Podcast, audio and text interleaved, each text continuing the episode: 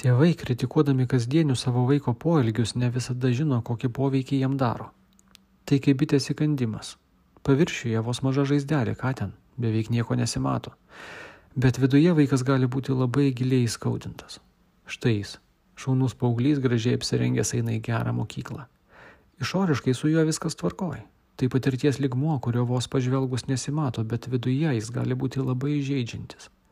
Kasdienė besitęsianti kritika namuose gali būti slaptas, nuodingas geluonis, kurį užaugus teks kažkaip išsitraukti.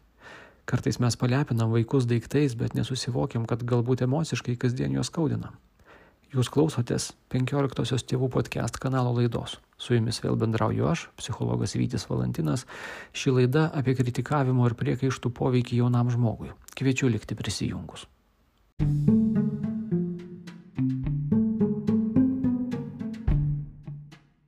Yra įvairių scenarijų, kaip vaikas gali reaguoti į nuolatinį pastabų sakymą ir kritikavimą.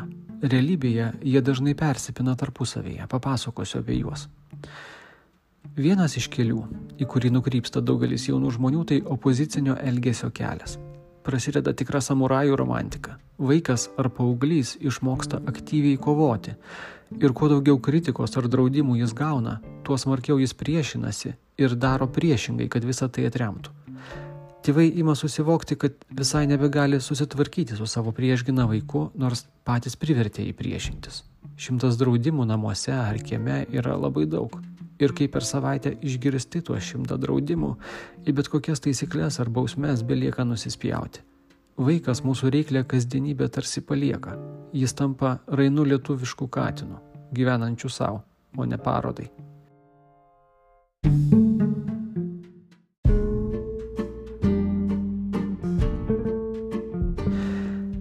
Kitas panašus, bet gerokai pavojingesnis vaiko atsakas vadinamas duobe, kad tu įkristum. Nuolat priekaištaudami tėvai iškasa duobę, liūdno gyvenimo viziją ir vaikas į ją įpuola. Jei vaikas nuolat gauna mamos ar tėčio priekaištą, kad jis nedaro, ko reikia, jis nustoja stengtis, pasiduoda ir sako, jūs esate teisūs. Tai bejėgiai vaikai, sakantis, mama, tėti, atleiskit, o ko jūs tikėjotės, jūs teisūs, man niekada nepavyksta. Tada tėvai staiga sutrinka, nes čia jau kažkaip ne pagal fenkšų ir puola stebėtis, kaip čia vaikas taip prastai apie save galvoja, jie bando taisyti situaciją, sakydami netiesa, ką tu paistai, tau labai daug kas sekasi, bet tai nebegali paguosti, nes vienintelis dalykas, kurio vaikas jaučiasi stiprus, tai savo bejėgystė. Kai kurie paaugliai paklausti, kodėl visai nebesitvarko, atsako, ai nebegaliu, vis tiek bus blogai, aš žinau. Jie žino, nes jų praeitie suaugusiųjų įrodyta nesėkmės istorija. Visa ši situacija dar labiau blogėja, jeigu suaugusieji išsitraukia pačią stipriausią kortą ir sako, kad dėl vaiko blogumo kenčia tėvai. Pažiūrėk, kaip dabar jaučiasi mama, o juk jos širdis nesveika ir viskas dėl tavo elgesio. Beje, pasaulyje, kur tu negali gauti gero pažymio, kuris į nuolat baramas, kad tu nepakankamai geras, kompiuteriniai žaidimai padeda išsipildyti svajonėms. Jie leidžia jausti, kad kažką gali.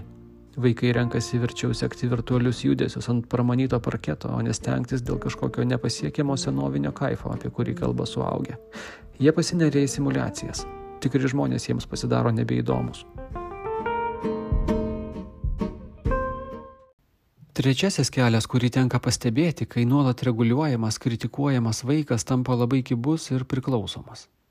Jei tėvai linkia į kontrolę, jie be vaiko dalyvavimo sprendžia, ką ir kaip jis turi daryti. Vaikui neleidžiama būti savarankiškam, nes netikima, kad jis sugebės. Vaikas ir tampa nesavarankišku. Neturi asmeninės problemų sprendimo patirties, jam nelieka kito kelio, nes tik tėvai žino, kaip ir kokiu jam būti. Pavojus čia tas, kad išorinė kontrolė reikalauja, kad kontroliuotojas visada būtų netolies. Kai jo nebelieka, kyla didelis nerimas, nes nebežinia, ką daryti.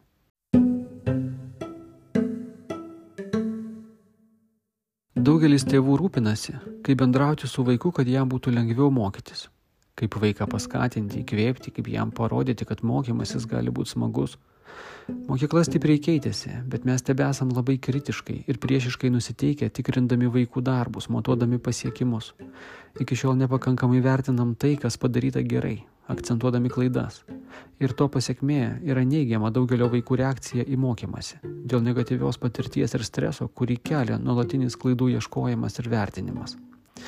Vis dar labai mažai dėmesio skiriam vaikų pastangom. Na, kas būna, kai vaikas tarsteli, kad jis mokėsi, stengiasi, mes jį užsipuolam, nes mūsų netenkina rezultatas. Mūsų nedomina pastangos, tik rezultatas. Reikia, kad jis padarytų, nesvarbu kokią kainą. Daugelis vaikų jaučia, kad nesvarbu, ką ir kaip tu bedarytum, vis tiek nebus pakankamai gerai. Iki mokyklos pabaigos žmonės jau susigaudo, kad jie turi gerai įvaldyti rašymą ir atsakinėjimą pagal schemą, kurios reikalauja egzaminai. Spontaniškumas, kūryba nelabai reikalingi. Reikės pademonstruoti, kad žinai trafaretą, kad esi šventas, kad tavo galvoje vien kryžiai. O iš tiesų trafaretas ta pati kontrolė. Jaunuolis turi padaryti taip, kaip nori vertintojai. Mes nepriimam kitokio varianto. Kitoks variantas yra blogai. Ir tada vėliau mes galim turėti suaugusius, kuriems yra sunku reikšti savo nuomonę, atskirą nuo autoritetų. Jie jau suaugę, bet jie nuolat susirūpinę, kokie yra gero elgesio kriterijai, kokie atsakymai tikrai teisingi.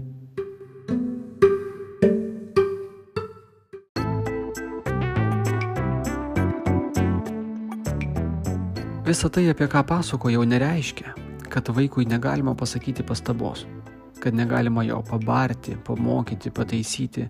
Vaikams viso šito reikia, bet svarbu išlaikyti ugdantį, nežalojantį santyki tarp pagirimų ir pastabų, kad pastarosios būtų produktyvios. Yra praktikų, kurie svarsto, kad kritika turi koreguojantį poveikį vaikui tik tada, kai pozityvus pastebėjimai viršyje priekaištus, o kritikos ir pagirimų santykis turėtų būti maždaug vienas prie šešių. Tada vaikas linkęs keisti savo elgesį, aukti. Vaikui yra labai svarbu žinoti, kad klaidos nėra problema, nes mokymasis iš tiesų tik per klaidas ir juda į priekį. Jam svarbu pamatyti, kad su bet kokia klaida vėliau galima susitvarkyti. Tėvams, kurie randa už ką pagirti savo vaiką prieš sakant pastabas, taip pat pagerėja. Jie nustoja širpinti kaimynus frazėm viešpatė, mano vaikas tikriausiai negabus, o kad bent gerų žmogum užauktų. Dar viena laida baigėsi. Čia psichologas Vytis Valantinas, man smagu, kad klausotės podcast kanalo tėvams. Kartu turim galimybę mokytis, kikenti, stebėtis, o gal net nubraukti vieną kitą ašarą. Jei šis podcastas jums patinka, pasidalinkit su draugais, dalelė savo simpatijos, kviečiu pamėgti mūsų paskirtą Facebook, kurią rasite įvedę pavadinimą psichologinė pagalba vaikui ir šeimai. Ten pat rasite nuorodas į visas podcastų serijas SoundCloud, Spotify, Apple Podcasts platformose. Jei jūsų vaikui reikalinga pagalba, kviečiu susisiekti su mūsų psichologais, manimi Vilniuje ir kolegomis Renata Panevežyje, Jeva Šiauliuose, Jolanta Nikščiuose. Iki, lai niekas nestabdo jūsų ieškojimo.